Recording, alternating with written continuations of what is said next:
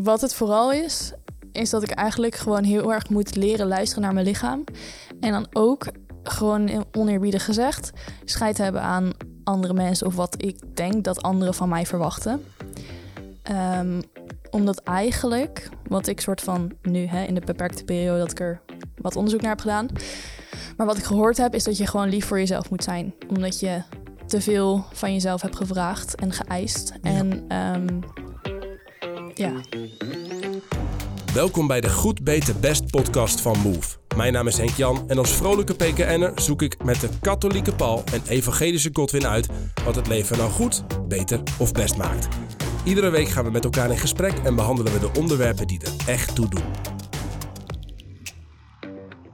Hoe is het om overspannen te zijn of in een burn-out te zitten? En hoe draagt een veel eisende maatschappij daaraan bij? Vandaag schuift Sanne Germans aan. Sanne belandde tijdens haar afstuderen in een burn-out en vandaag probeert ze ons iets te laten zien van wat dat betekent. Want hoe is het om gedwongen op de rem te stappen terwijl je vooruit wil? En mag een studie of je werk je überhaupt zoveel kosten? Hoe voorkom je dat je overspannen raakt? En hoe helpt God in een soms uitzichtloze situatie? Nou, volgens mij lopen wij wel. Um, mooie mensen. Um, goed. Zitten we allemaal rustig, watertje erbij. Uh, is, eh, zijn jullie een beetje rustig? Want we gaan het hebben over overbelast zijn, stress, burn-out. Hoe ga je er nou mee om? Uh, hoe zitten we er een beetje relaxed bij vandaag eigenlijk? Godwin kwam net op zijn motor aan, aanrijden. Te laat, maar... ja, dat is um, same old story. Jij was, was alweer een beetje gestrest natuurlijk. Je denkt, ja kak, ben ik weer te laat? Ja, op een gegeven moment... Um, ik, was, ik was dus voor één uur in Utrecht. Ik was zo trots op mezelf. Respect. En toen ben ik op een gegeven moment... Uh, mijn navigatie gaan pakken steeds. En dan wist ik niet waar ik naartoe moest. En dat is best wel lastig op de motor. één hand rijden en één hand uh, telefoon houden. Niet doen. Ik heb mijn motorhoes, dat hoesje ben ik vergeten van mijn telefoon. Um, was ik gestrest? Nee, want ik kom hier toch altijd laat binnen. Dus ik dacht van ja, is oké. Okay. Nou, we hebben gelijk de eerste, pak de, de, eerste tip te pakken. Als je maar gewoon als je gewoon standaarden hebt die gewoon vrij laag zijn, dan zit, zit het sowieso. Ik, ik kan het toch minder snel gestrest. Niks veranderen, ja. Ja, ja heel goed. Paul, hoe zit jij er? Ben je een beetje ontspannen op het moment? Ik ben wel ontspannen, ja. Ik ben een beetje vermoeid. Oké. Maar uh, dat is een luxe vermoeidheid. Dat is een prachtige week in Rome geweest. En ik ben gewoon een beetje vermoeid. Ja. Dus uh, dat. Ja, dus uh, luxe vermoeidheid. Precies. Lekker. Sanne, je bent onze redacteur. De goed, -hmm. beter, beste redacteur. Ja, En je bent twee. bij deze, deze aflevering bij met een bijzondere reden. Maar zit je er een beetje ontspannen bij of vind je het ook spannend? ik zit er niet heel ontspannen bij. Ik vind het wel met jullie zeg maar gewoon heel chill. Maar echt ontspannen, nee. Maar dat is, heeft niet heel veel met dit te maken. Ligt nee. aan Paul, hè? Ik begrijp het. Ja, ja, ja, ja, ja. Met jullie wilde ik ook alleen jou en Henk Jan. Shots fired. Nee hoor. Heel goed. Waarom, uh, misschien komen we daar dan gelijk bij, want we hebben jou... Nou, en jij dan? Oh ja, hoe ik erbij zit. Ja, ook wel oké. Okay. Ja, ik, heb de, ik, ik um, uh, voel me eigenlijk wel goed de laatste weken of zo. Gewoon uh, een lekker lang weekend gehad. Met de camper weg geweest en uh, misschien wel voor het eerst in maanden of misschien ook wel in jaren dat ik echt het gevoel heb dat ik nou wel even lekker in balans ben. Natuurlijk zit er altijd wel wat druk op, op bepaalde dingen, maar wel nou gewoon uh, het voelt het voelt het tempo voelt eindelijk even een beetje een beetje normaal of zo. Ik, ik vind trouwens dat je best wel heel heel relaxed eroverheen gaat, lekker met de camper weg geweest, maar voor de mensen die goed luisteren ja weet ik dat jij met je buren een camper zou kopen. Ja. Dus dat is gebeurd. Ja, dat is gebeurd. Ja, dat alweer een tijdje terug. Ja, vorig jaar al. En dit, het seizoen is weer losgebarsten, dus we zijn er nu weer voor het eerst mee weg geweest. Dus, uh, en jullie hebben een agenda of een... Ja, ja we, we deden dat netjes onder en dan uh, in goed overleg. En dan is het burgerterreur. Uh, en dan, dan kunnen we lekker burgerlijk met die camper op pad. En dan... ja, het, het, ik had weer vrienden of familie over en met kleine kinderen en zo. En het was prachtig weer. Dus iedereen had wel zoiets van, ah ja, dit is wel heel chill. Iedereen een beetje rondrennen daar in die bossen. bij Zeist was het. Ja, wel heel chill. Wauw. Ja. Dus misschien helpt dat ook wel om er ontspannen bij te zitten. Helpt het ook uh, de, de zeer inspirerende Wake Me Up van vanochtend? Heeft dat ook geholpen? Voor... Ja, dat, nou, de, dat voornemen wat ik daarin uit, zeg maar, dat, dat, ja, dat probeer ik wel vast te houden. Dus ik had een, uh, mocht je dat nog niet luisteren, we maken ook een andere podcast. Dat is Wake Me Up sinds, uh, sinds een tijdje. Um, en, en daarin heb ik een overdenking gemaakt over plezier hebben in je leven en, en eh, hoe je dat doet. En ook dat God je niet vraagt om als een soort van menselijk batterijtje leeg te lopen eh, met een verbeterd kopje missie na te volgen. Maar dat het ook gewoon, dat je plezier mag hebben. Ja. Tekst van prediker erbij. Dus, maar je vond hem inspirerend dus. Ja, tuurlijk joh. Tuurlijk. Nee, ik vond hem heel mooi. Ik vond hem heel mooi, Jankjaan. Thanks man. Nou, dus check die, eh, als, je de, als je dan niet onderdeel van bent, Wake Me Up. Move.community slash Wake Me Up kun je daarvoor inschrijven. Krijg je elke ochtend in je WhatsApp een eh, overdenking van mij of van Paul, van Godwin of van iemand anders. Nou, dat. Ik ben heel benieuwd naar die van jullie. Maar terug naar het onderwerp van vandaag. Yes. Eh, en waar Sanne dus ook voor is aangehaakt. Overbelast zijn, stress, burn-out. eh, wat als het leven allemaal even te veel is. En eh, het kwam een beetje spontaan tot stand deze aflevering, Sanne. We hadden het erover. We zouden vandaag eigenlijk een andere aflevering opnemen. Maar die ging niet door. Ja. Ehm, dus hebben we dit bedacht. En eigenlijk vonden we het wel een heel relevant onderwerp. Want we hebben allemaal volgens mij wel eens momenten dat het echt even too much is. En we zien het ook heel veel om ons heen gebeuren. Uh, maar jij hebt er op dit moment zelf mee te maken. Klopt. Wil je er iets over vertellen? Zeker, daarom zit ik hier natuurlijk ook. Niet te bij de hand, hè? Eh, ja, ik ehm, heb op dit moment een soort van last van ehm burn-out, klachten slash overspannenheid. Eh, het is een heel vaag begrip, dus ik kan niet per se zeggen of ik echt een burn-out heb of niet. Maar eh, ja, in ieder geval wel klachten. Ja, dat lijkt me eh, vervelend op zijn minst. Ja, het is wel eh, heel irritant en frustrerend en belemmerend. Ja. Wat, wat voor klachten zijn dat? Want ik, ik kan me er niet gek veel bij voorstellen. Maar Ja, nou ja, het verschilt heel erg per persoon ook. Ehm, maar waar ik vooral last van heb, is gewoon spanning in mijn spieren. Dus op dit moment zijn gewoon mijn spieren ongeveer een beetje aangespannen. Ehm, en adrenaline loopt eigenlijk gewoon een soort van constant door mijn lichaam. Ehm, daarnaast ook gewoon een beetje ehm, wat neerslachtig of zo hoort er ook wel bij. Dingen die ik normaal heel leuk vond om te doen, heb ik nu gewoon, lukt gewoon niet. Dat voelt, als een moeten en eh, dan schiet ik soort van eh, in de stress en dan verlamt het me. Ehm, En dat- verlamt het je, dan, dan, dan st- dan sta je opeens echt even stil voor je gevoel. Of wat? Nou, bijvoorbeeld, ehm, ik was bezig met vrijwilligerswerk te doen voor een stichting. En dat ik dan naast mijn werk, ehm, omdat ik maar drie dagen werkte. Maar het lukte gewoon echt niet om op die dag die ik voor de stichting had ingepland, om dan gewoon daarvoor wat te gaan doen. Hm. Dan, eh, ja, het is heel lastig te omschrijven. Maar ja, Dat je, dan ben je leeg en je, je denkt Ja. ik moet iets, maar er komt gewoon niks uit je handen. Ja. klopt. En het is ook heel lastig om dan zeg maar te gaan beginnen, om te gaan zitten.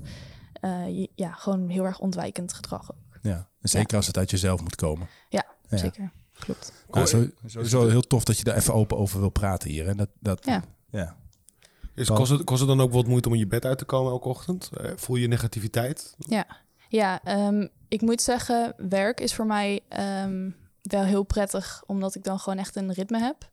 Ehm, dus in ieder geval bij eh, Move in dit geval helpt dat gewoon heel erg. eh, dat ik gewoon weet, nou, ik moet gewoon weer. En dan hoef ik er ook niet over na te denken van, wat ga ik nou... Ja, soms wel, maar goed. Ehm, maar als het wat meer vrijwilliger dingen zijn... of wat opener soort van mijn eigen verantwoordelijkheid... dan vind ik het heel lastig. En wanneer spreek je nou precies van een, of bij jou, wanneer begon je te merken van hé, hey, dit is wel een burn-out of ik krijg vermoeidheidsklachten? Um, is het na een dag? Is het na een week? Zit je er al maanden in? Hoe, hoe, hoe meet je dat een beetje?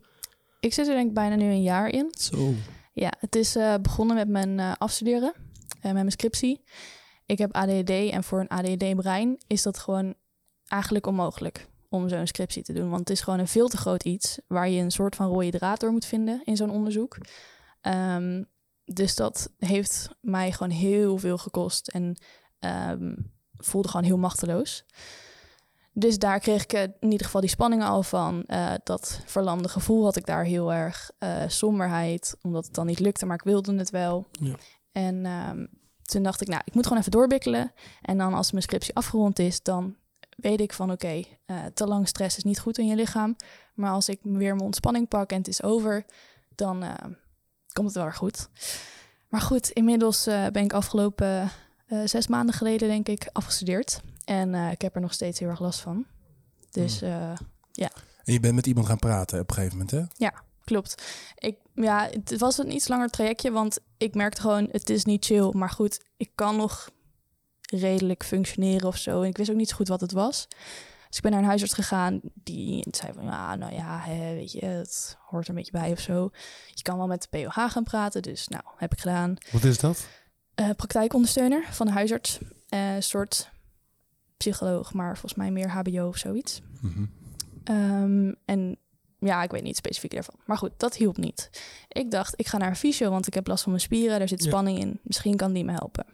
Hielp ook niet echt. En toen uiteindelijk dacht ik, nou, dan ga ik gewoon zelf maar naar een psycholoog. En daar had ik een intake en toen zei ze al meteen van, nou, dat eh, klinkt wel als een burn-out.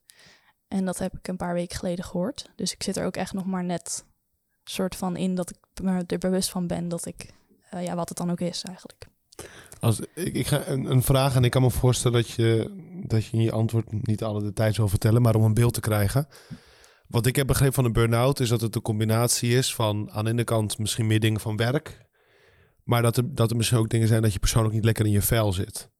Eh, klo- klopt die constatering bij jou? Ja, eh, het was inderdaad dus mijn scriptie wat gewoon niet handig, ja, wat gewoon niet fijn was. Eh, dat had natuurlijk heel erg invloed op mijn mentale gesteldheid. Daarnaast ehm, kon ik gewoon niet ontspannen waar ik woonde toen, in mijn studentenhuis. Ehm, dat was daar gewoon niet zo lekker. Eh, en er was nog een andere persoonlijke omstandigheid eh, waarmee ik heel erg in mijn hoofd zat en heel erg liep te malen. Dus het was allemaal gewoon een lekkere cocktail voor eh, dit soort klachten, ja. Nou, nogmaals, ehm, ik vind het echt cool dat je er ook nu over praat. Want ik heb wel zelf bijvoorbeeld de neiging om dingen waar ik dan eenmaal doorheen ben geweest, dan ga ik daar dan over vertellen. Maar Ja. dat je nu hier in de podcast notabene daar open over bent, vind ik al super tof. Eh, en ik denk ook dat het gezien de verhalen die we van anderen kennen en horen in de maatschappij zien, dat, het, dat je lang niet de enige bent. En het verhaal is dus nog niet rond. Het is een hoekig verhaal. Je bent nog op Ja, zoek naar zeker. wat betekent dit, et cetera. Dus eh, heel fijn dat je meepraat en meedenkt over dit onderwerp. En we gaan vandaag dus op zoek naar van, nou ja, wat, wat, wat zien we nou gebeuren om ons heen? Wat is dat dan aan burn-out, et cetera? Maar ook, hoe moet je daarmee omgaan? Speelt ons geloof daar nog een rol in? hè? Jezus eh, zegt van, eh, komt allen tot mij eh, die vermoeid en belast Ja. zijn. Ja. Wat, bete is, is dat, nou, eh, wat betekent dat dan, zeg maar, hè, bijvoorbeeld? Maar ook gewoon heel praktisch, wat, wat, moeten we hier nou mee? Hè? Ehm, even Paul en Godwin en ook voor mezelf. Ehm, we zitten er dus vandaag redelijk ontspannen bij. Maar herkennen jullie hier iets van? Zijn er momenten in je leven geweest dat je dacht, nou, nu ben ik echt overbelast? Ehm, nou, de, kijk, de reden waarom ik die vragen stel ook aan Sanne is omdat ik wil weten. Ja, soms heb je niet eens door, denk ik, dat je door een burn-out gaat. Maar ik hoor het zoveel om me heen en dan vraag ik mezelf af: heb ik het ooit gehad? Sta ik er nooit bij stil? Ehm, en ben ik gewoon doorgegaan? Ehm, het is hetzelfde alsof ik, ik had dan op school, dan lees ik een, lees ik een boek over, ehm, over autisme. En dan denk ik van, hé, maar ik heb wel heel veel raakvlakken met, eh, met, met zeg maar... Hadden wij eh, ook al bedacht. ja. Thank you. Nee, maar dat- dan denk ik dus... wil het niet zeggen. Ik kon niet laten, sorry. Maar dan denk ik dus bij mezelf, nou ben ik ook een tikkie autistisch? Nou, van ja, vind ik helemaal niet erg. Nee. Maar de, als je, op een gegeven moment als je dingen gaat lezen, dan heb je soms zoveel raakvlakken dat je dan denkt van oké, maar heb ik dat ook? Ja. En op een gegeven moment kregen wij dus, uh, wij hebben corona gehad thuis. Dan, ja, ja, corona bestaat nog steeds, dames en heren, maar we hebben corona gehad. En um, toen kreeg een collega van ons ook corona, maar die was in loondienst. En die was gewoon daarna, was zij er volgens mij um, zes maanden uit gewoon. Hm. En ik dacht, hé, maar wacht even. Ik heb dezelfde klachten, maar wij gaan wel gewoon door.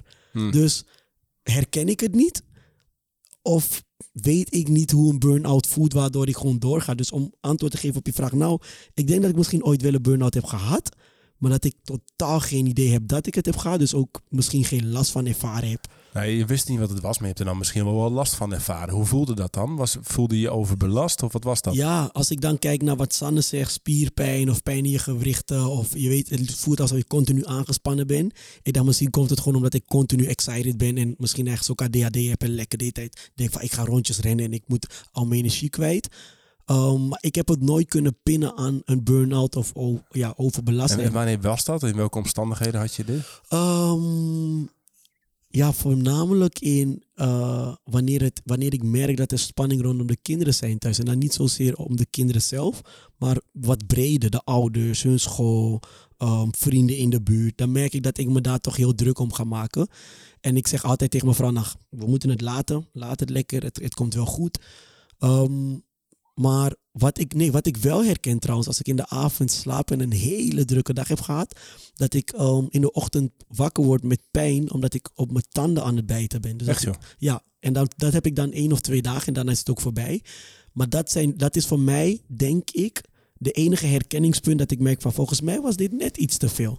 Dat ik dat pijn krijg aan mijn tanden. Maar jij hebt volgens wat ik haal uit je verhaal is dat je het niet structureel onder hebt geleden. Er zijn Nee. meer concrete fases dat je wat overgestrest was. Dat ik, maar ja, ging het weer over, toch? ja, ja, en ik wist dan denk ik niet dat ik overgestrest was. Want Sanne heeft het hier over, over zes maanden. Dat, dat, Nee, dat, dat- is nee. niet... eh, Nee, ik schrok ook op toen je zei dat je er al jaren in zit.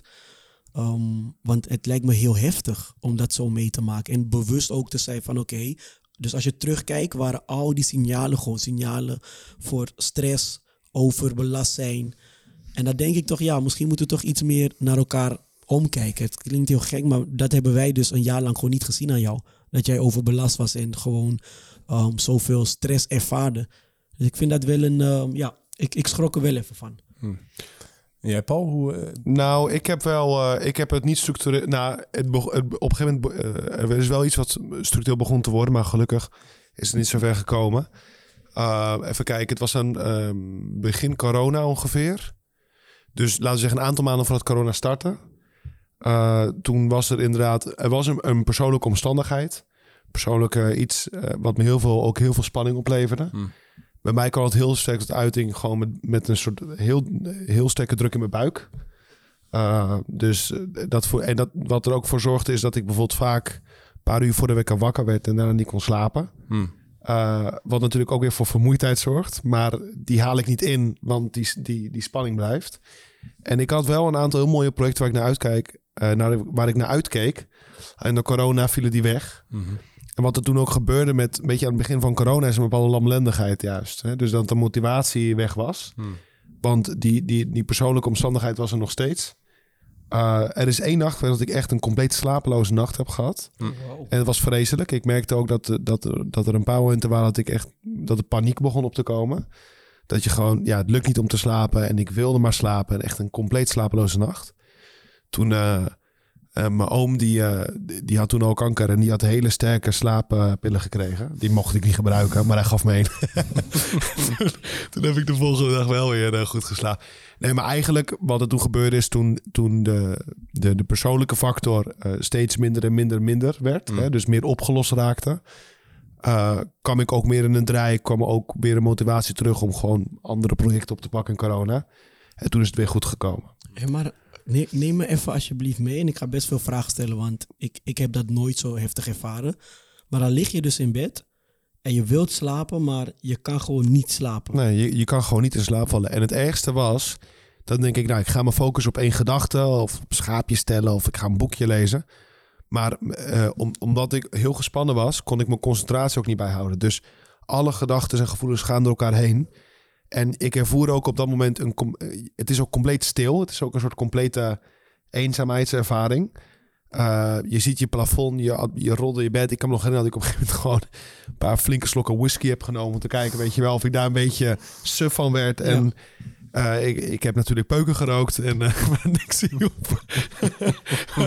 God is schudt alweer een beetje. Dit is de oorzaak, Paul. Ja, nee, maar en, gaat, uh, het was niet uit het niets van wat ik zei. Hè, dus het was meer opbouwend. Ja. Um, en het heeft denk ik ook in mijn geval, laten we zeggen, wat ook wel bijdraagt, is ook met persoonlijkheid en temperament. Toevallig diezelfde dag had ik nog een lunchafspraak met een vriend en die vermaande me nog sterk. Ja, want die, maar, maar dat was heel terecht, dat was heel mooi, want ik vertelde even hoe gaat het met je. En die komt ook een punt, want het was even... Kijk, ik heb de tendens, en Jan had het er net over, was heel herkenbaar voor me. Ik heb de tendens om heel veel uh, mezelf te bagatelliseren. Ja. Dus als iemand zegt, hoe gaat het met je? En als het slecht gaat, wat ik dan, wat ik dan antwoordde was... Nou, het ging niet goed met me, maar ik ben er nu mee aan de slag. Oh, ja. Want ik hou van controle en ik vind het niet fijn om laten weten... het gaat eigenlijk niet goed met me. Ja. Want dan ben je de controle kwijt, weet je ja. Dan heb ik liever om te zeggen... ik constateer dat een paar dingen niet goed gaan... maar ik ben er nu mee bezig en ik zie de uitweg, weet Ja. je wel? Dat is, dat, dat is een typische is neiging niet die ik echt heb. kwetsbaar. Oh, precies. Nee. Maar die maar dag voelde zei je dat echt zo, dat je ermee bezig was? Of was het eigenlijk gewoon een soort leventje? Mm, half, half, half. Dus voor mijn gevoel was ik er ook mee bezig. Want ik wist wel ongeveer wat ik moest doen. Maar aan de andere kant, ja, ik deed het niet. Dus dan, dan gaat het zo verder. En die dag nog, die, een, een vriend van ik zei, die is hoe gaat het met je? En toen zei ik, nou eigenlijk gaat het niet goed. Dus toen heb ik het even gewoon goed gedaan. Hmm. en eh, toen was ook weer slaapproblemen en zo. En die zijn we van, ja, jij bent nou zo'n typisch figuur, Paul, die, die altijd maar hè, van, eh, je, moet, je moet dingen doen. Hmm. En eh, dit en dit en dat. En het was grappig, want nou, nou, ik, vond het heel, ik waardeerde het heel veel. En zei ik, ja, je hebt gelijk. Hè? Ik, ik moet meer ontspannen. En zei, nee, nee, je moet het weer. Hè? Je moet nu ontspannen. Dus Oh, je, moet, ja, je ja, moet ja. af van... hè, Moeten. maar in ieder geval, dat is wel heel mooi dat iemand je dat zegt. Maar dan, dan lukt het niet automatisch om dat ook gewoon te kunnen, weet je wel. Dus zeg nou dankjewel, maar dan moet je ook nog manieren vinden om dat te kunnen reframen. Ja. Maar toen Maar, kwam daar, die... daar- maar daar zit dus al wel wat in het gevoel van die druk van buitenaf, dingen moet, of die, die ook in jezelf zit, maar dingen moeten, zeg maar. Hè? En, nooit gewoon het los kunnen laten en het leven gewoon maar een beetje over je heen laten komen. Ja, Zorgt dat. dat. voor een druk die tot overdruk kan leiden dan? Ja, maar dat is, laten we zeggen, als het dat alleen dat is, dan is het niet zozeer een probleem. Bij mij tenminste. Het probleem is als je, als je naar jezelf toe en naar anderen niet eerlijk bent. Nee. En niet oprecht. Nee. En dat merkte ik van, want ik weet ook gewoon dat als ik op een gegeven moment gewoon dingen bij de naam had, genoem, had genoemd. En die shit gewoon ook aan een paar mensen bijvoorbeeld echt concreet had verteld. Dat de helft van de spanning al weg was. Alleen het was ook confronterend, et cetera. Dus dan stel je het uit. En wat ik merkte is dus, er ontbreekt ook een soort van, van eenheid, weet je wel, van, van hoe je dingen ervaart. En wat je naar buiten toe, wat je, wat je presenteert, wat je naar anderen toe Ja, zegt. dus je leeft een beetje in twee werelden ergens. Hè? Op een bepaalde Dat. manier wel. En dat veroorzaakte natuurlijk, dat was denk ik ook de hele sterke spanning in mijn buik. Ah, ja. Die kwam daar vooral vandaan. Ja. Als je daar nog de corona-omstandigheden, je gaat slecht slapen, nou dan komen er andere dingen bij. Ja. Maar als, eh, ja. Is dat, eh, ehm, jij bent er nu dus best wel open over, ook de laatste weken. Je hebt je een beetje wat meer gaan realiseren waar je het afgelopen jaar doorheen bent gegaan. Eh, hoe ervaar je dat nu? Helpt, helpt het de openheid een beetje of is dat nog te vroeg? Ehm, het is denk ik nog wel te vroeg. Ik merk nu ook wel, ehm, omdat ik nu weet wat het is, dat ik er ook wat meer ehm, gefocust ben op die klachten of zo. Mhm. Dus ik heb juist nu ook het idee dat het wat slechter gaat dan drie weken geleden dan eh, Ja. Ah, ja. dat eigenlijk. Ja, je moet eerst nog wat, ja, niemand gunt het je, maar eerst nog wat meer door dat dal, het, het echt gaan voelen, het echt accepteren, het begrijpen, het doorleven, zeg maar, voordat, voordat er misschien een, eh, een weg eh, naar, naar boven ingezet kan Ja, worden. misschien wel. Ik weet het eigenlijk niet. Ben, je daar een beetje, ben je daar dan bang voor? Is dat, is, hoe ervaar je dit dan? Ehm, het is niet zozeer dat ik bang ben dat het wat slechter gaat. Het is meer dat ik gewoon niet wil dat er ehm, dat ik dingen in mijn leven niet kan doen. Ah ja. Maar juist door dingen te doen ervaar je toch ehm, de stress. Ja.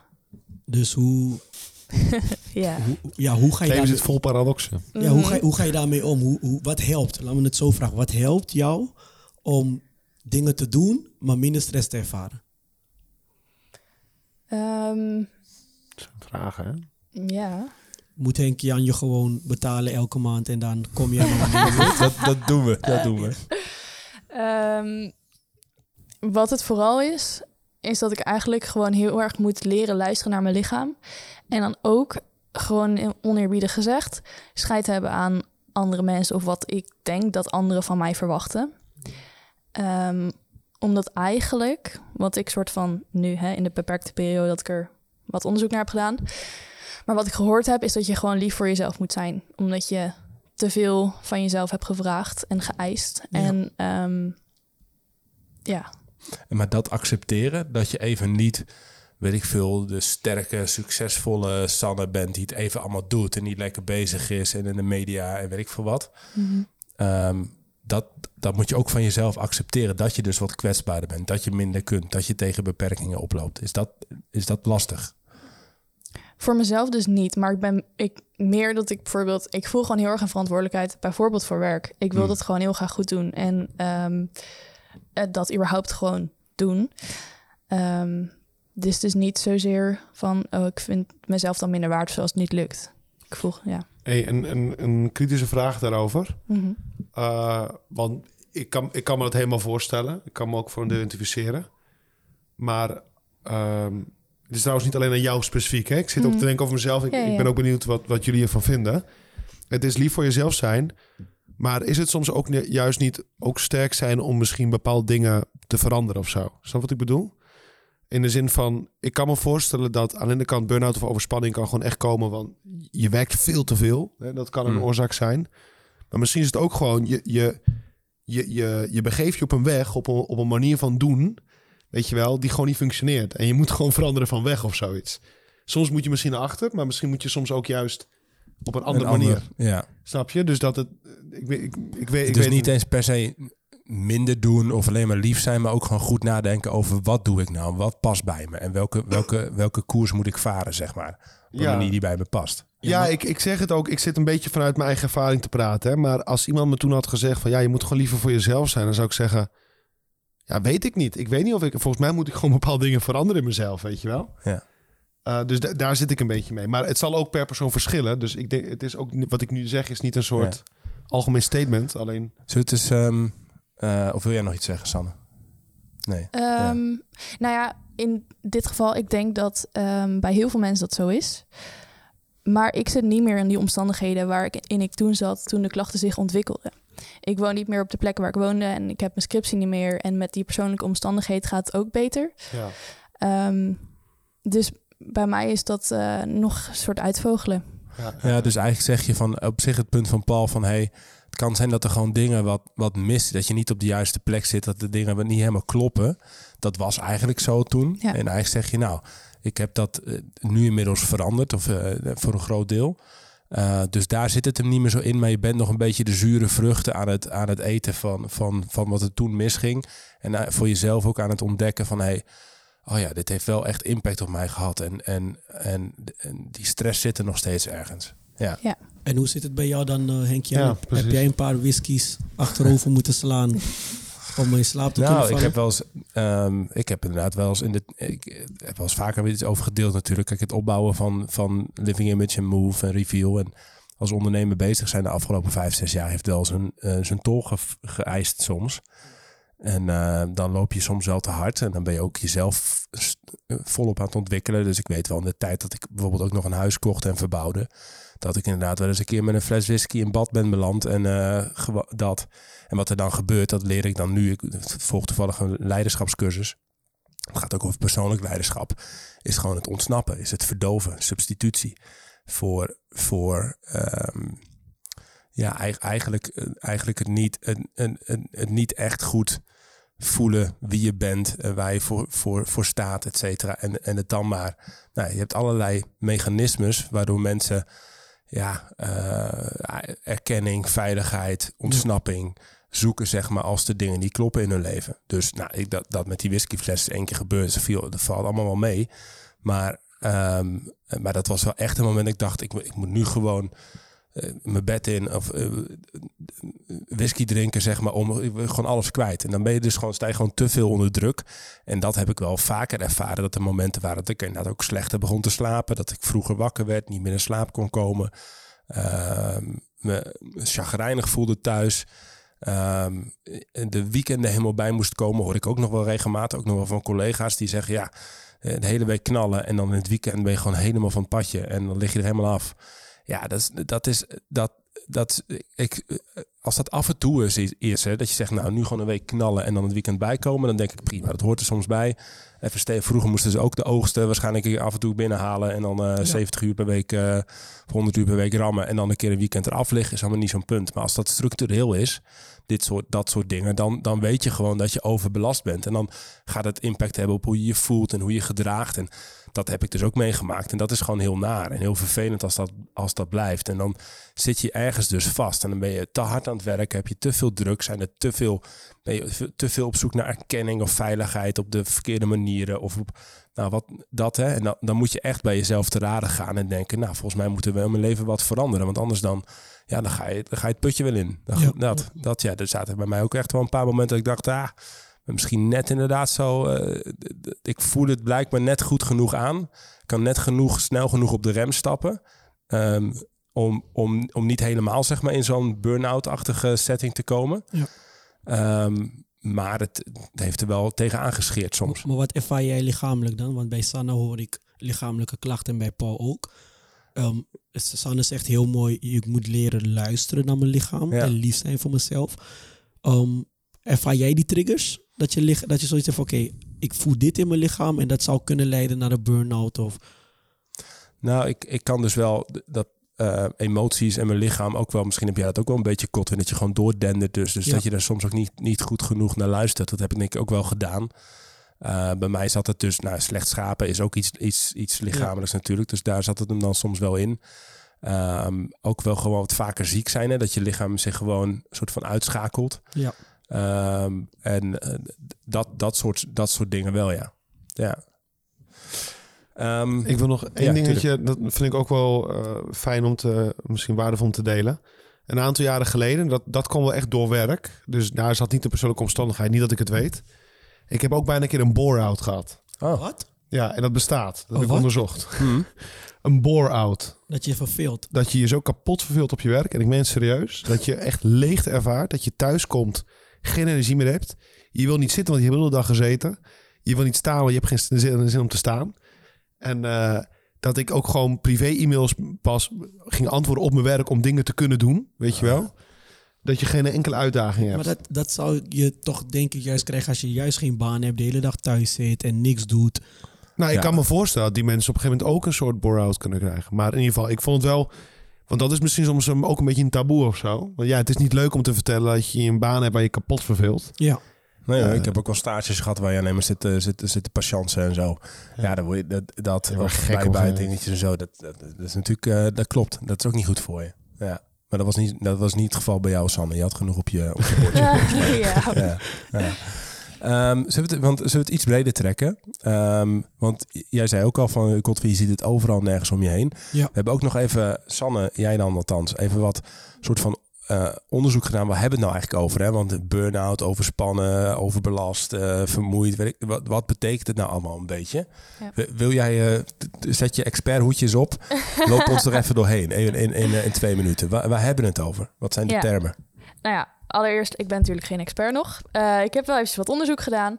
En ehm, uit wat betrouwbare onderzoeken kwam dat 1,2 miljoen werknemers die hebben last van burn-out klachten. Zo. En dat is dus eh afgerond ongeveer 16 procent. Uiteindelijk dus, om het even wat visueel te maken, 1 op de 6 werknemers heeft eh burn-out klachten. Weer. Ja. 1 op de 6. Jouw vrouw is er een van. Ze zei, ze zei Alle toevallig, twaalf huisgenoten van Paul. ze zei toevallig tegen me, ze wil graag op vakantie. Dus misschien is het... eh, Wil je dat doen bij? Sorry, ik kon niet laten. Maar het, het is wel, we zitten hier allebei allemaal wel te luisteren. Eén op de zes dus, Sanne. Ja. Wow. wow. Ja, en dat betekent natuurlijk niet meteen dat ze eh, helemaal uitvallen of eh, echt zo diep gaan dat ze echt maanden niet kunnen werken. Ehm, maar goed, het zegt natuurlijk Burn-out klachten. Dus ja. je voelt je... En, en ja, de, de dingen die jij ook beschrijft. Spanning, eh, niet goed kunnen slapen, stress voelen. Al, dat al dat soort zaken. Ja, Ja. bijvoorbeeld. Het is natuurlijk bij iedereen wel een soort anders, Mhm. eh, maar wel ongeveer dat. Ja. Hey, en zullen we de, want het, nou, zoveel mensen hebben er dus last van. Dat zegt iets over onze maatschappij. Wat zijn, want wat- dan heb je nog al die verschillende termen. Hè? Overspannen, burn-out, overbelast. Wat, wat, waar staat dat allemaal een beetje voor? ja, ik pak even mijn papiertje bij. Ehm, nou, je hebt een soort van...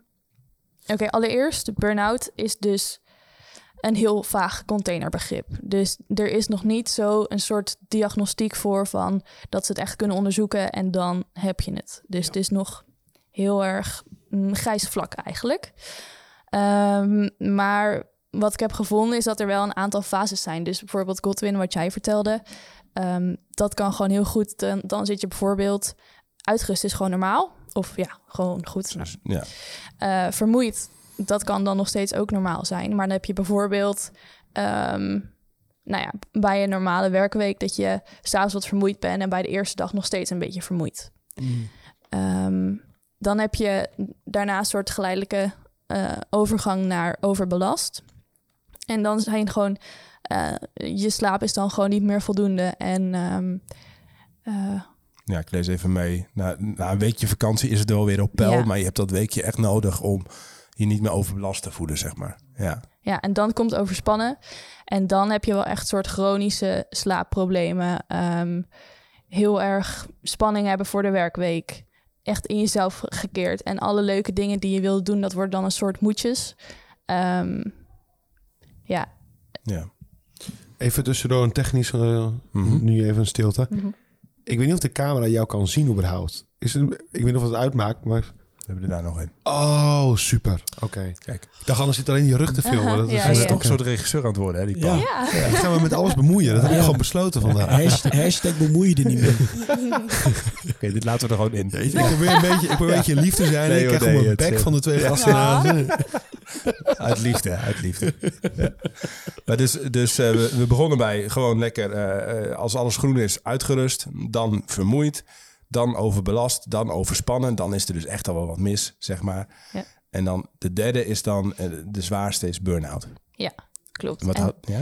Ja, dan eh, heb je dus het gevoel van inderdaad extreem vermoeidheid. Je kan niks doen, je hebt nergens zin in. Eh, je kan het gewoon allemaal niet oppakken. Zelfs een tijdschrift of een boek lezen is dan gewoon te veel. Ehm, en ja, als je helemaal daar zit, dan heb je ook wel echt maanden hersteltijd nodig. En dat je gewoon bijvoorbeeld een half uur of zo eh, echt daarna echt een soort rustmoment moet pakken. Eh, lekkere siesta's moet pakken, één of twee keer op een dag. Daarom zijn die Spanjaarden zijn gewoon nooit burn-out, weet je wel. Dat heb ik niet Nou, uitgezocht. hier noemen we het power nap, want het is professioneel. Ja. Kunnen jullie dat? Powernap? Natuurlijk. Als ik mijn ogen sluit is het geen powernap hoor. Het is gewoon een nep. ik ben gewoon weg. Maar goed, en dus burn-out, is- dat kennen we ook wel van mensen die gewoon... Ik ken ook wel collega's die er gewoon een half jaar, een jaar lang... gewoon Ja. echt niks uit hun handen. Gewoon, gewoon Ja. thuis moeten zijn. Gewoon echt er helemaal af liggen. Ja. En dus heb je nog... Nou, je hebt allerlei gradaties zo. Maar hier hebben we het ongeveer over. Eh, Paul, jij bent altijd degene die dan eh, ma- maatschappelijk daar eh, eh, filosofen en, eh, en inzichten bij haalt. 1 op de 2 miljoen mensen, 1 op de 6 per- die met dit, nou, ergens met klachten te maken hebben. We hebben er allemaal zelf ook wel eens iets van geproefd. Sanne heeft er last van nu. Wat zegt dit? Wat, wat, wat, Nou, er komen twee dingen bij me op. Ja. Want ik, heb, ik zat even mijn kop over te malen, inderdaad. De eerste is dat we echt in een meritocratie leven. Waarin onze status heel wordt ontleend aan allerlei dingen die we doen. Weet je wel? meritocratie. In één zin. Een nieuw... Meritocratie wil zeggen dat is een maatschappij die gebaseerd is op verdiensten. Merits in het Engels. Dus hè, je ontleent je status aan je verdiensten. Dus wat En- je doet, wat je bereikt. Dat is, dat is wat telt. Ja. En ik ga je zelfs iets heel lullig zeggen. Een burn-out zelf kan bijna ook gewoon een verdienste zijn. Weet je wel? Ik heb het zo druk. Ik heb zoveel dingen in handen. Dat ik, eh, weet je wel, van wauw. En ik moet nu leren rusten. Ik zeg, dit klinkt bijna een beetje Is cynisch, het, hè? klinkt, vind je dat pijnlijk om te horen of is het lastig? Nee, of- want eh, ik herken dat wel om me heen. Eh, als je dan zegt van, hé, hey, hoe gaat het? Oh, druk hoor. Ja, hartstikke goed. En dan denk Ja. ik, hoezo druk en goed? Ah, ja. En wat is daar nou weer goed aan of zo? Ja, Ehm, precies. Dus ja, dat snap ik. en dus je moet heel veel dingen onder handen hebben. Bijvoorbeeld ook als iemand besluit eh, van... eh, nou, ik ga een paar jaar niet werken om te zorgen voor mijn gezin. Nee, ik word huisvader of huismoeder. Eh, oh, oh, wat mooi. Maar ja, op een, op een verjaardagsborrel willen mensen niet misschien een beetje praten... want je bent niet interessant genoeg. Hmm. Ik zeg het nu een beetje hard allemaal. Ja, maar hè? dus dat, dat we leven in een, in een samenleving en dat, dat vaak Prestatie. prestatie, wat je Ja. doet, dat, dat bepaalt een groot deel van wie je bent. En een tweede ding, denk ik, is, eh, is het ontbreekt aan fundamenten. Hmm. Ik denk dat het echt... eh, want kijk, laten we bijvoorbeeld... Ik, dat vond ik heel mooi. Toen ik, toen ik echt zat te worstelen met mijn werk... met wat wil ik doen, een beetje in die bore-out, weet je wel. Toen dacht ik, ja, ik wil hier gewoon met een wijs ervaren iemand mee praten. Die me Hmm. gewoon een beetje advies kan geven. Toen ging, eh, had ik de vader van een goede vriend uitgenodigd. Dus iemand die net op pensioen was gegaan. Is gewoon een heel, heel wijze man. Die ook een mooie carrière, maar ook heel goed een gezin. Weet je wel, gewoon, Ja. gewoon een mooi leven. Dus ik had hem uitgenodigd, gingen we bij mij thuis even een drankje doen. En ik vertel over worstelingen en problemen. Hij is zelf niet gelovig. Hmm. Maar hij kende wel mijn huis heel goed. En het Opus Dei en zo. En hij zei me van Paul, vergeet niet dat dit wat jij hebt, dat hebben zoveel mensen niet. Hè? Hmm. En toen dacht ik al van na, en ik denk ook inderdaad ik die bore-out periode, dat had echt een bore-out kunnen worden. Maar het feit dat ik gewoon een gemeenschap, een heel stabiele gemeenschap mensen omheen had. Hè, dus eh, in eerste instantie gemeenschap van mensen van het Opus Dei, mijn familie, mijn vrienden, het geloof, Hmm. De stabiliteit die dat geeft. Eh, eh, niet, niet opeens dat omdat je gelovig bent of zo, dat je deze problemen niet hebt. Want Hmm. ja, we worstelen er ook mee. Maar ik denk dat, ik kan me voorstellen dat als jij gewoon in deze maatschappij leeft en eh, je bent een jong professional en eh, je hebt je familie woont weg, misschien heb je geen relatie en je zit de hele dag een beetje te werken. Hè? Hmm. En dan kom je in je appartementje in Amsterdam voor 40 vierkante meter. En je leven gaat zo verder. Ja, kijk, de, laten we zeggen, je bent veel kwetsbaarder op dit gebied. Hè? Want Ja. je kan nergens op terugvallen. Je hebt niet echt harde fundamenten onder je voeten. Nee, en jouw fundament, die gemeenschap, zeg maar, je geloof misschien ook ergens. Precies, dat zorgt er absoluut, wel ja. voor dat je niet ja, verder afzakte. Dat je, dat je Ja. mensen hebben die je ook om je heen, die voor je zorgen, die op je letten. Ja. En wederom, ik wil niet zeggen dat christen niet mee te maken hebben. Want, want eh, ik bedoel, ik heb zelf door zo'n periode en San heeft Ik ben christen, ja. En, en, eh, dus, maar het is wel zo dat meer maatschappelijk geheel gezien...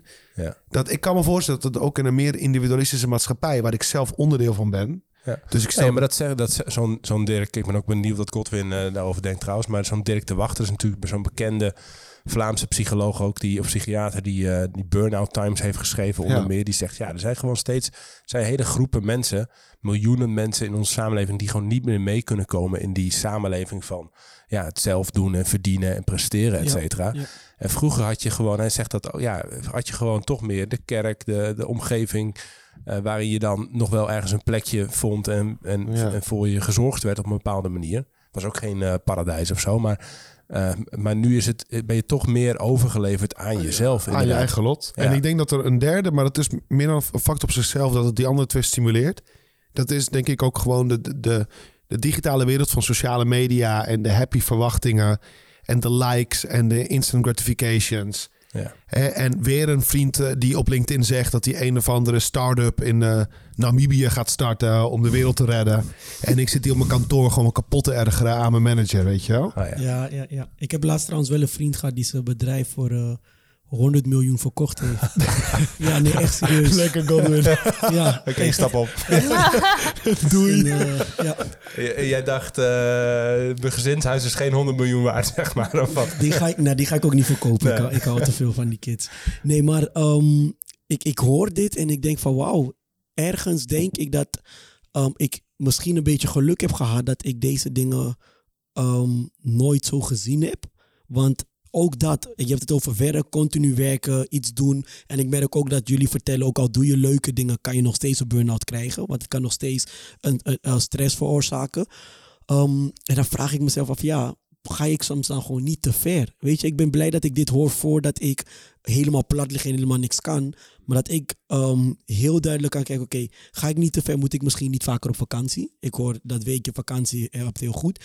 Ik ben als kind nooit op vakantie geweest. Dus vakanties zijn voor mij nooit momenten geweest van, oh, nu gaan we lekker opladen.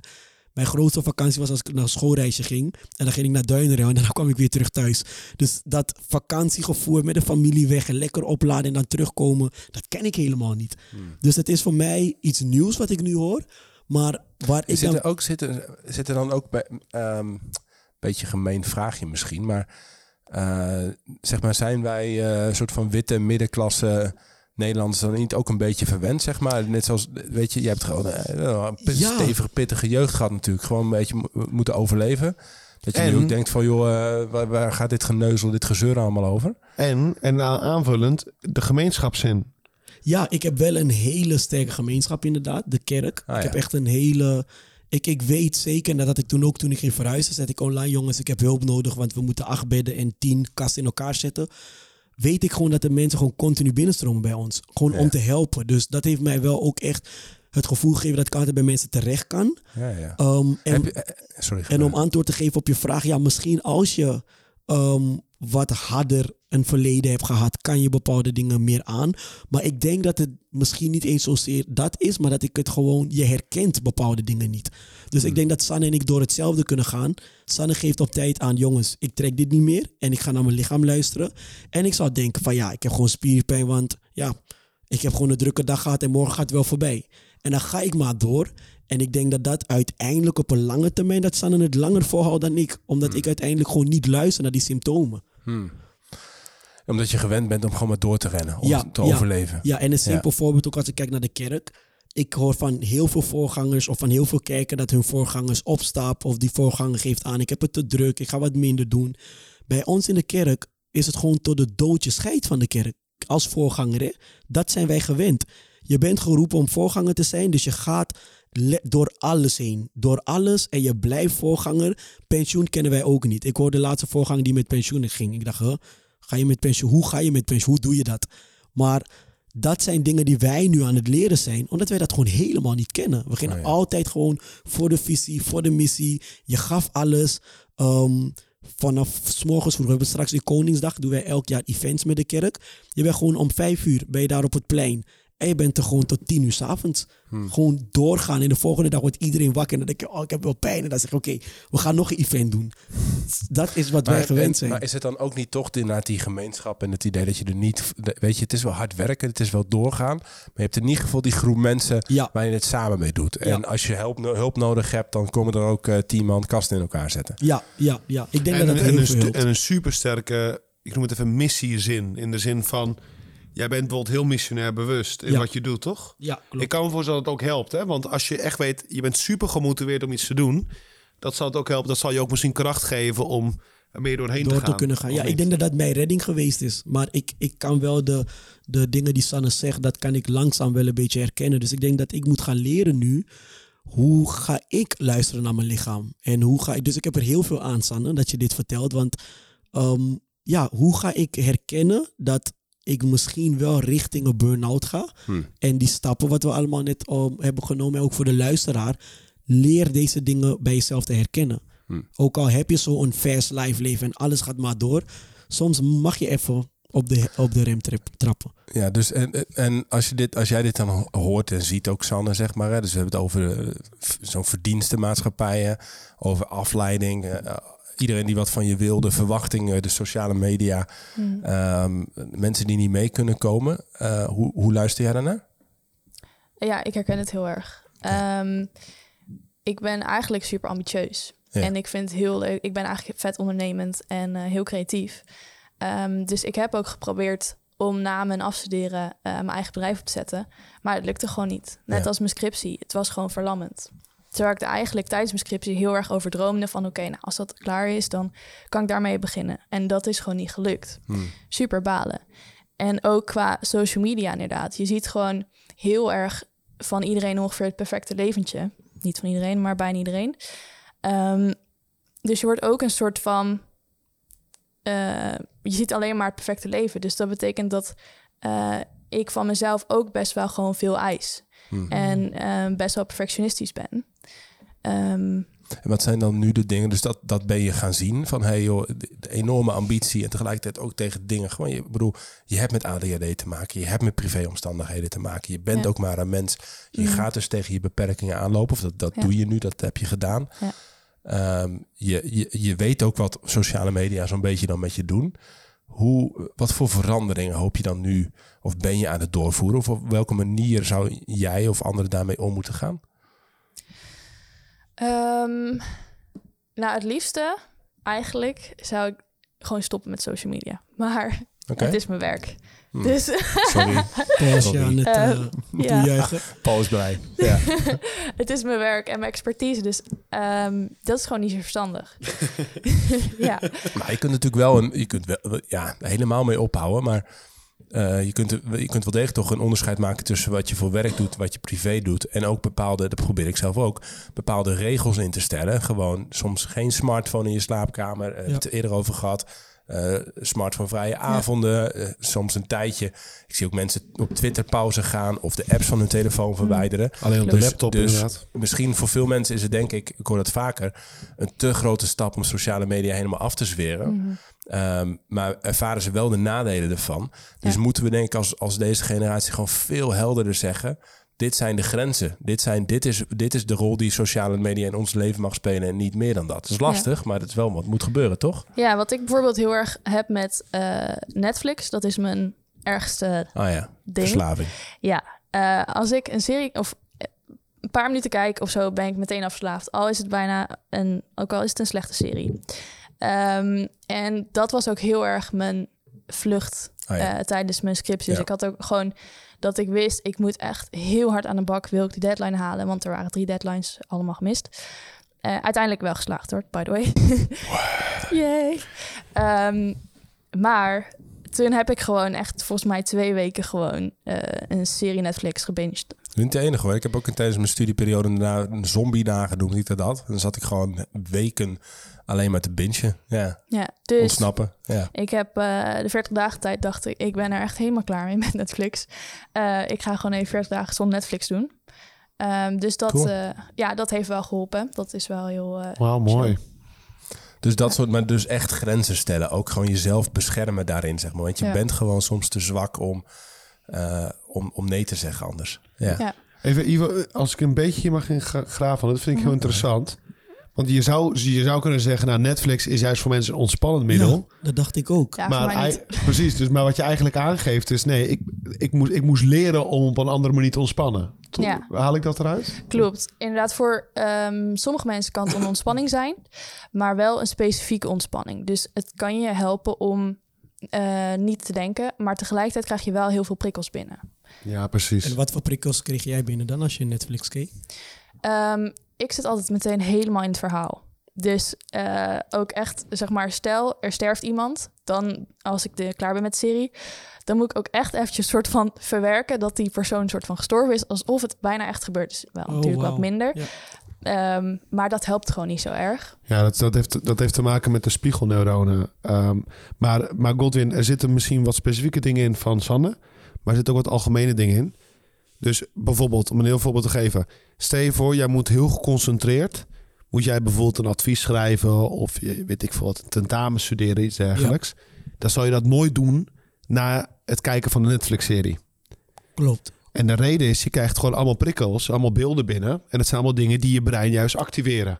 Als je in slaap wil vallen, gewoon goed wil slapen, dan ga je ook niet in bed Netflix kijken. Ja. Je kan wel in slaap vallen, dat is mijn punt niet. Maar het punt is, het activeert het brein. Dus wat je moet onderscheiden, dat is niet per se verkeerd. Want je kan natuurlijk af en toe je serietje kijken. Maar er zijn twee soorten ontspanning vanuit dit perspectief. Dingen die je gewoon prikkelen. Hè, ook een, een voetbalpot kijken, wat dan ook. Weet je, dat zijn dingen die je prikkelen. Maar die leiden je lekker af van het dagelijks leven. Die geven je vreugde, die geven je Dat is genot. prima, als het gewoon met, Ja, zeker met mate. Ja. Maar daarnaast heb je ook andere vormen van ontspanning. Die wat ze juist doen is, ik, ze, ze, ze zijn een soort van spijsvertering voor het brein, weet je wel. Ze zorgen juist om allemaal beelden en prikkels te, te verteren. Ja. En dan heb je het bijvoorbeeld over sporten, een goede wandeling maken, mooi gesprek, bepaalde soort boeken lezen. Dat zijn dingen die juist niet prikkelen, maar die helpen juist om prikkels wat meer te verteren. En ik, Je hebt en allebei nodig. En die laatste hebben te weinig dan. die, die laatste hebben we absoluut te weinig. Ook omdat die laatste vergt ook meer discipline. Dat is gewoon. En het geeft vaak ook niet een instant gratification. Ja. Nee, maar daarom, precies daarom heb ik nu tussen... En ik merk dat het werkt. Met, werkt met Vera de- de- op dinsdagavond hebben we stilteavond. Dus, dus geen schermen, zeg maar. Dus Geweldig. dan ga je een boek lezen en dan eh, een beetje praten, een beetje chillen. Ehm, ja, dat, dat is echt... Ik merk gewoon, het is echt een ander soort avond dan Netflix. En ik vind het nog steeds heerlijk om serietjes... Ik hou van films en series om dat, om dat ook te hebben. Maar ik heb dat ook echt nodig. Heb Ja. ik echt moeten, moeten leren ook, ja. Dat Ook dat laatste wat Paul ook zegt, dat we dat, ehm, die echte ontspanning van ontprikkeling eigenlijk te weinig hebben. Ja.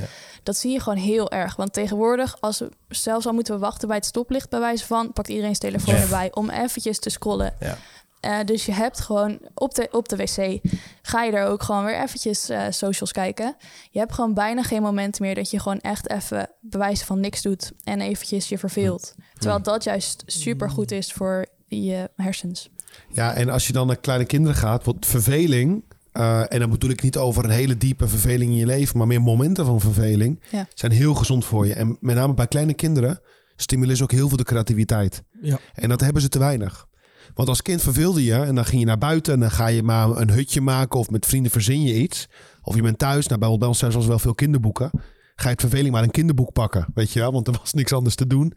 Ehm, en die verveling, maar op het moment dat iemand zich verveelt, een beetje, nou zeker kinderen, jammeren. En ze krijgen meteen een smartphone of een tablet en een... eh, het, het, het gaat ook gewoon ten koste van een bepaalde soort gezonde ontwikkeling van jezelf. Ja. Ehm, ik, we zeggen heel veel en ik, we zijn altijd heel goed in het terugbrengen van wat zijn de goed, beter, best adviezen. Dus ehm, ja, hey Go. Jan, nee, j- jij bent de master in dit. Als ik het ga doen, verdwalen we in mijn hoofd. Nee, ik Dus- geloof best dat je dat kan. Ik zat met, met dingen te bemoeien. Kijk wie zich nu bemoeit hier met Nee, ja, de- ik, ik vind het wel chill. Vat jij het maar samen. Oké, gaan we het één keer proberen. Oké, dus we hebben gezegd, er zijn verschillende stappen van ehm, vermoeid zijn. Vanuit, ja, vanaf de eerste stap tot de laatste stap is een burn-out. Ehm, luister er maar even lekker een stuk terug als je weet wat die stappen waren. Ehm, en wat we zeggen eigenlijk is wat goed is om te hebben als jij in zo'n omgeving bevindt, jezelf erin bevindt, is sowieso een goede netwerk. Dus mensen om je heen waarmee Ja. je lekker kan sparren, gesprekken aan kan gaan. Ehm, mensen zoals Paul die je, ja, waar je lekker alles los kan laten en dat ze je advies kunnen geven. Wat we ook zeggen is dat um, de ene ontspanning voor de ene persoon is niet per se ontspanning voor de ander. Want je hebt bepaalde stoffen die Paul net benoemd heeft in je brein. Waarbij je bij de ene juist ontspant en bij de ander verteert het. Bij de ander, um, en we leven in een maatschappij wat te veel van ons verwacht. En daardoor kunnen wij niet altijd heel goed ontspannen, omdat we continu daarmee bezig zijn. Nou, en ik, en ik wil eens toevoegen, iets wat Sanne nu wel doet en wat ik niet deed. Dat is, je moet in eerste instantie gewoon knijten eerlijk zijn. En dat is ook een beetje in de lijn van Dick de Wachter, vind ik ook heel mooi dat zegt. Je hoeft niet altijd gelukkig te zijn. Nee. Je mag je gewoon, laten we het zo zeggen, je mag je gewoon kut voelen. En soms Ja. zitten daar oorzaken in. En soms zeggen die aan jezelf. Oké, nou, dan er- erken dat. En dan moet je een beetje dapper voor zijn. En, en beken dat naar concrete personen. Ja. En, en, als je dan, en je hoeft niet altijd, hoe gaat het met je? Nou, nu gaat het even niet goed met me. Ja, Ja, en Terwijl nog, en nog, tegelijkertijd schreeuw ik het ook niet echt van de daken. Ik, heb, ik zeg het ook niet tegen iedereen. Nee, maar dat, is, maar dat is discretie. Dat vind ik alleen maar goed. Maar je vertelt het wa- waarschijnlijk aan, aan je familie, je vriend. Je vertelt het aan een aantal concrete mensen die je kunnen helpen. Voor wie het goed is om dit te weten. Maar vervolgens hoeft niet Jan en alle man ja, te weten. precies. precies. Ja. Nee, en misschien nog een- één ding toe te voegen. En daarna ben ik nog even benieuwd, wat zegt ons geloof daar eigenlijk misschien over? Hebben we daar nog, eh, nog iets aan ook, zeg maar? Hè? Ja. Maar eh, daarvoor misschien nog even over de rol toch van werk, werk te hebben. Sanne, vroeg, eh, gek genoeg zitten we Oh hier natuurlijk ook een beetje als werkgever, werknemer. Je wilde het daar nog even over hebben en mij de les leren. Heel goed, Helemaal niet, heel helemaal goed. niet. Ik, Heel ik goed. vind dat je Sanne gewoon een salarisverhoging moet geven. Oké, En, min- en minder werk.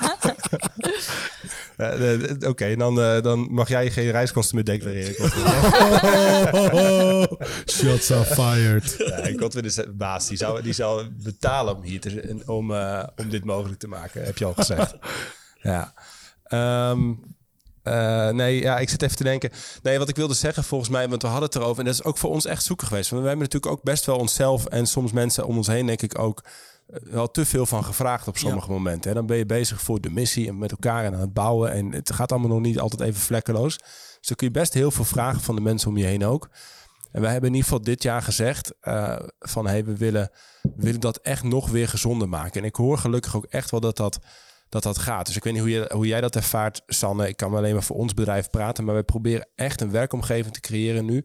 Waarin het gewoon veilig en goed is om te werken. En dat als er dingen zijn, ik heb nu meerdere collega's de afgelopen weken gehad, waar gewoon privé een paar heftige dingen speelden, dan is het go. Weet je, dat eerst. En dan dat werk komt wel weer. En dan loopt een andere collega even wat harder. Eh, of we zeggen wat dingen af. Of, eh, of dat zeg maar. Hè, of dingen. ehm, en en je, je, je gun jezelf. eh, Dat probeer ik mezelf dus nu als, als werkgever en in mijn bedrijf. Maar gun jezelf een omgeving waar dat zo is. Zeg maar. En, en ik, ik hoor zoveel verhalen ook. We, we hadden het er vooraf nog even over Sanne van ja, grote bedrijven op ook andere plekken waar gewoon te veel gevraagd wordt van mensen. Dat is gewoon toxic, weet je wel. Dat is gewoon giftig. Ja. Ik weet niet of jullie dat herkennen, maar dan moet je gewoon, dan moet je gewoon niet aan mee willen doen als werknemer en als werkgever, vind ik. Ja, wauw. Wel mooi dat jullie daar eh, rekening mee houden binnen Living Image and Move. Ehm, nou ja, als werkgever ervaar je dat. Sanne, ervaar je dat ook als werknemer? Ja, het is natuurlijk lastig, want We kunnen alles eruit knippen wat, eh, wat je wil. Ja, Maak je ja. geen zorgen. Ehm, het is natuurlijk een mix van wat je voelt in de eh, bedrijfscultuur en wat mensen zeggen, maar ook wat ik zelf van binnen voel. Ehm, dus toen ik het deelde met, sowieso voelde ik me helemaal veilig om het te delen hier. Ehm, en Henk-Jan reageerde er supergoed op, dat was heel fijn. Tegelijkertijd denk ik ook, ja, ik wil gewoon niet uitvallen. Ik wil gewoon wel blijven werken, dat ze wat aan me hebben en niet eh, dat ze dan in de knoei komen en in de problemen omdat ik dan uitval en ze iemand anders moeten vinden. Of dat er iemand anders veel te hard moet werken en daardoor ook uitvalt. Ehm, dus ja, de cultuur is heel fijn en zijn super goed mee bezig. Tegelijkertijd is het ook een jong en af en toe chaotisch bedrijf. Hmm. Ehm, dus ja, het heeft wel twee kanten. Nee, dat klopt. Dus dat, dat, goed dat je dat ook zegt. En dat proberen we de- dus. Ik denk niet dat het zomaar helemaal verdwijnt of anders is. Of dat dat... ehm, ja, het is, ook, het is ook een beetje een mix of zo. Ik snap jouw gevoel daar ook, ook heel goed in. En het is ook heel erg zoeken, hè? Dus voor Ja. jullie ook. Want je bent net een soort van, je komt net kijken. Niet Ja. helemaal, maar wel een beetje. Ja. Ehm, en ook met over burn-out en mentale gezondheid. Dat is ook best wel redelijk nieuw, die gesprekken volgens mij. Ehm, dus het is ook voor jullie gewoon nog heel erg zoeken. En ik vind het überhaupt al heel goed dat jullie daarmee bezig zijn. Ja, en het lijkt me ook moeilijk als werkgever. Want we gingen vorige keer gingen we naar die kabelbaan. Nou, voor heel veel was het ontspannend. Ik kreeg een hartaanval daarop. Was 12 Dat is uur. Godwin, Ik kan me die eerste boom nog herinneren, jongen. Ja, dat was echt vreselijk. Maar ik kan me dus voorstellen dat het ook heel moeilijk is om iedereen eigenlijk maar een beetje tevreden te houden. En iedereen daar het, het balans te vinden. Dat, dat lijkt me Nou, ook echt... niet, niet alleen echt- dat. Het is, het, is, het is een, laten we zeggen, dit is een bedrijf wat super enthousiast is. En waar je ook heel veel van je persoonlijke identiteit in stopt, denk ik. Ja. Het is niet louter gewoon een mediabedrijf om geld te verdienen. Je, je, je hebt een missionair, je hebt gewoon een missie. Ja. Althans, Nee, dat klopt. Dus, en dat, dat heeft ook lang, en dat staat nog steeds ergens wel vooraan, maar niet ten koste, en dat ben ik echt steeds meer aan het leren, ten koste van, ehm, ja, van, van, van jezelf of zo. Weet je, Ja. ik heb ook, ook dat hele human resources, vind ik zo'n K-term. eh, alsof we een batterij zijn, weet je wel, die, die leeggetrokken kan worden door werk of zo. Dat, natuurlijk heb je wat te geven en wat te brengen. En is het prima als je een keer eh, s s'avonds om negen uur denkt, joh, ik- dat, Ja. hard gewerkt, ik ga vroeg naar bed. Maar eh, als het gewoon te veel van je vraagt als mensen, en ik zie dat ook bij zendelingen, gezinnen en ook in de christelijke Ja. wereld en zo. ja. Ja, Maar ja. of het nou gaat om geld of missie, als mensen er gewoon voor, door, voor worden uitgekleed, als, het, als je er niet een, normaal gezinsleven op na kan houden, je privé niet, niet op orde bent, te veel van je vraagt, dat vind ik gewoon niet oké. Ik vind het ook niet slim. Ik vind ook, zeg maar, even, eh, ja, dat klinkt bijna berekenend, maar als ik als Sanne naar mij toe komt en zegt, joh, ik heb deze klachten en ik zeg, joh, ja, het zal wel. Eh, werk maar gewoon lekker door. Ja, dan, dan weet ik toch dat over twee maanden die problemen erger zijn en dat ik een groter probleem heb. Mag ik een, Dus, meteen een tip geven? Human resources, dan beschouw je meteen al de mensen gewoon Ja. in de naam van als, als middelen. Hè? Die zegt Ja. letterlijk menselijke middelen. Ja. Dus misschien moeten we die K-term ook gewoon... Ten eerste omdat die onnodig Engels gebruik is. Maar ten tweede omdat het gewoon een bullshit is. Ja, Omdat gewoon personeelsbeleid of weet ik veel. Personeelsbeleid, noem het hoe je wil. Maar schaf die term af in Nederland, alsjeblieft. Oké, staat genoteerd bij deze. Meneer Ja. Rutte, geef het even door aan Don. Die geeft het door aan Rutte. En dan, Nou, praat even met Don hierover. Ik zal hem bellen, ja. Maar ja, wat, wat, wat zegt de Bijbel erover? Dat was Ja. een vraag die jij ook had. Als ik naar de Bijbel kijk, ik vind het eigenlijk wel grappig, want ik kom er steeds meer achter dat het gewoon normale mensen zijn, waren. Ehm, als ik kijk naar een David, als ik kijk naar, ik vind Elijah bijvoorbeeld een hele mooi voorbeeld van dit. Ehm, hij was gewoon soms echt kapot depressief. Hij wilde gewoon sterven de Ja. woestijn. Dat er gewoon te veel op hem afkwam. En dat hij ook zoiets had van, ja, ik, ik trek dit allemaal niet meer. En ik weet niet of ik dat dan een burn-out moet noemen of gewoon dat hij zwaar eh, manisch depressief was, weet ik niet. Maar ik merk toch wel dat deze, ehm, ook deze geloofshelden van mij, ook momenten hadden, ook Jezus, dat hij gewoon bloed ging zweten, weet je.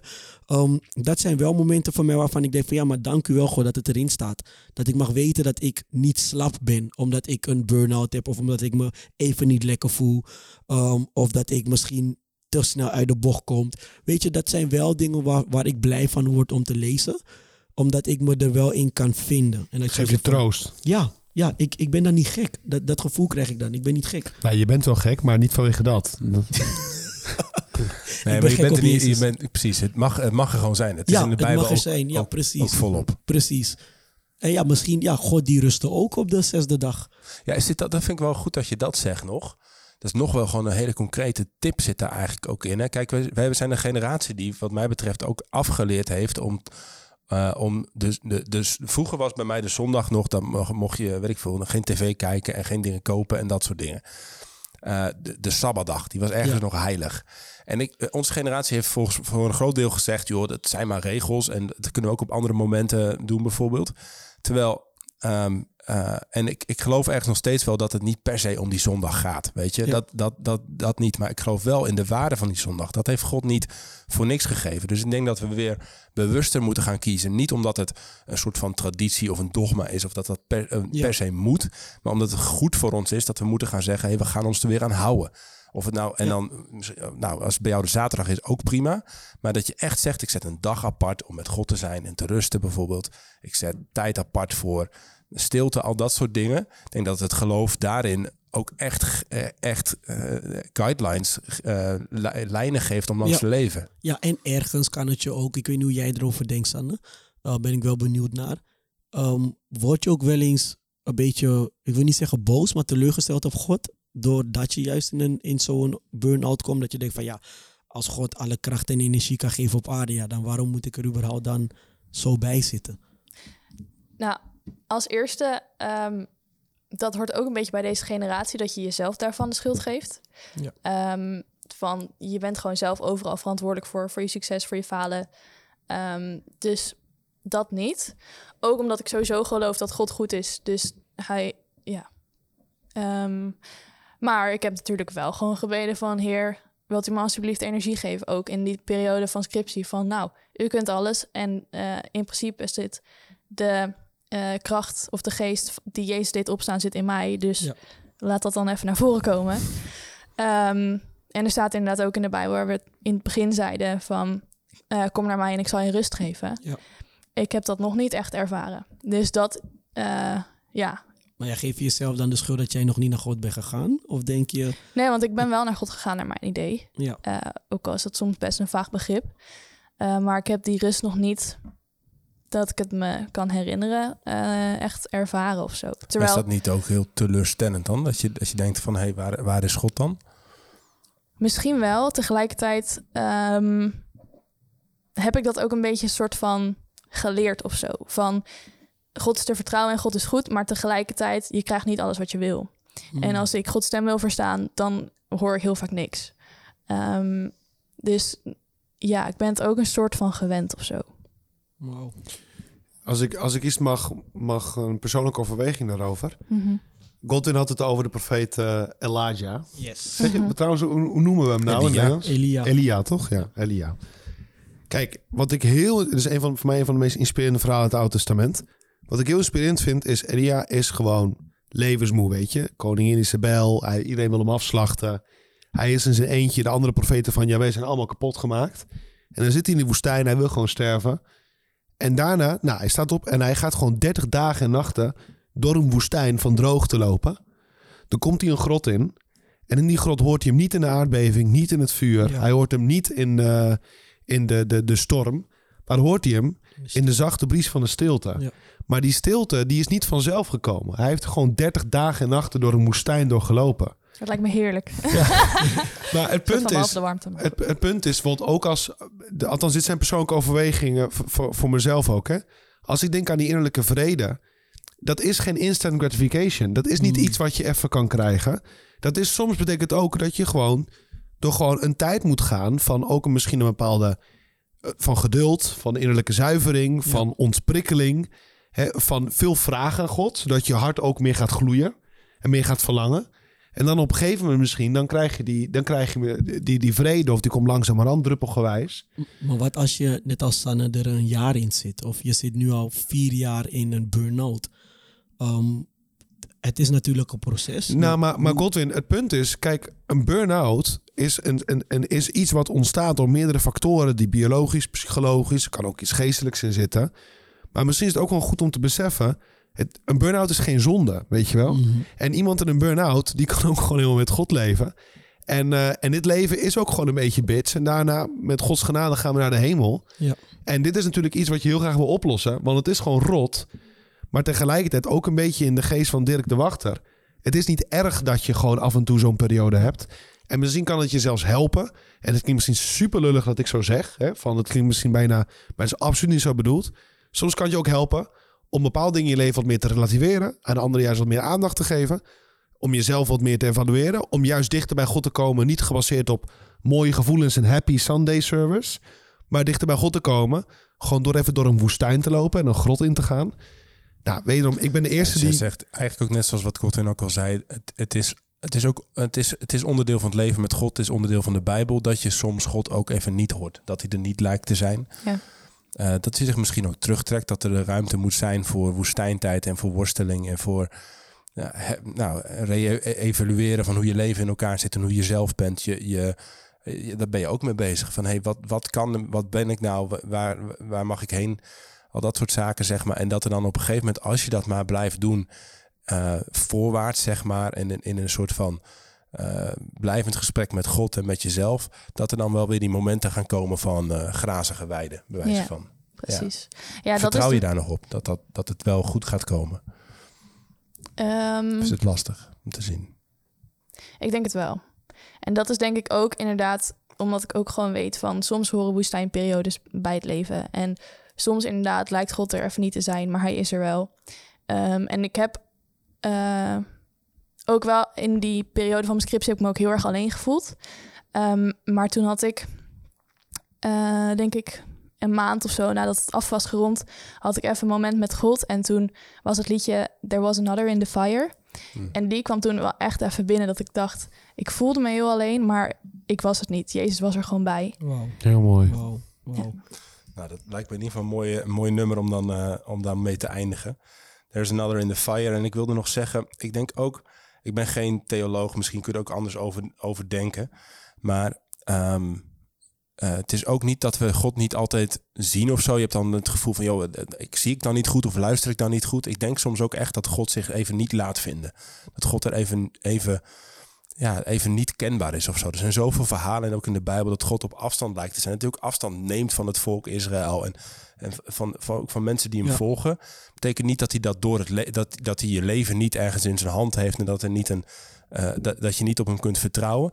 Maar wel, er is ook een God die soms ja, even niet kenbaar of zo lijkt Ja. te zijn. Dat is nooit, dat blijft niet, zeg maar, dat. Maar ik, ik, ehm, er zijn wel momenten dat het ja, gewoon even niet is of zo. En dat je, dat je daardoorheen, dat dat gewoon onderdeel is van het leven. En, eh, en dan zijn er ook weer momenten dat je hem heel, dat hij opeens zich weer heel erg laat kennen. En dat is ergens voor mij ook een mysterie van, van God of zo. Ja, en dat vind ik heel mooi dat je dat zegt, Jan. En ik denk ook soms, mij troost het ook inderdaad dat... Kijk, Jezus is ook vermoeid geweest. En ik geloof dat hij soms steeds, nog steeds... eh, weet zeker van, van, van, van de problemen van de mensheid en de zonde... en dat hij soms ook eenzaamheid voelt, omdat hij ons mist. En dit soort momenten helpen mij tenminste ook... wanneer ik me wat meer rot voel, zij het burn-out of wat dan ook... om ook gewoon meer troost daarin te zoeken. En te zeggen, Jezus, we zijn even met z'n tweeën... nu dit kruis aan het, aan het dragen, weet je wel? En eh, of ik kan nu, nu mijn kruis een beetje met uw kruis verenigen. Dit soort gedachten helpen mij ook. Jezus, ja, Jezus laat ook gewoon zien van... Hij zit er niet alleen in de happy hours, weet je Ja, wel. Hij zit juist in het Hof der Olijven. Hij zit juist in de woestijn, waar de bekoringen plaatsvinden. Hij is juist wanneer hij dorst heeft en wanneer hij huilt. Daar is Jezus ook echt. Goed, ehm, ik vond het mooi. Another in the Fire. Als er een nummer langskomt in de podcast, dan probeer ik hem altijd direct erin te fietsen. Eh, laten we daarmee eindigen. Hij is acht minuten, dus als je denkt, nou, ik luister nog lekker een stukje mee. Hier, we laten hem wel even staan in de opname. Ehm, en anders zoek hem even op. Ehm, wij gaan hem even rustig luisteren. Ik vond het mooi. Ik zet hem ondertussen een beetje op. Ik vond het mooi om met jullie eh, het hierover te hebben. Ehm, dank voor het luisteren. Als je nou vragen hebt... kijk, mijn DJ-skills. Eh, als je... Is laat. Paul God weer zo, kijk zo weg, amateur. Je hebt one job. ik zit gelijk weer in de, in de, in de overspannen modus, mannen. Nee, ik vond het mooi om eerlijk met hierover te praten. Sanne, veel dank. Ehm, Tof dat je dit aandurfde. Ja. Ja, en eh, dank, ik denk dat het heel mooi was en heel herkenbaar voor veel mensen. En ehm, Heel opbouwend, dankjewel. mocht je hier nou zelf mee worstelen, vragen over hebben, ga even naar eh, onze website move.community. Als het goed is, hebben we daar ook een mooie pagina, goed, beter, best. Ehm, en dan eh, vind je daar meer informatie over. Kun je ons ook benaderen, zoek ons op online of stuur een berichtje naar redactie@move.community. En like, share, comment nou alsjeblieft op deze aflevering en op andere dingen, want dat helpt ons om beter gevonden te worden. Thanks.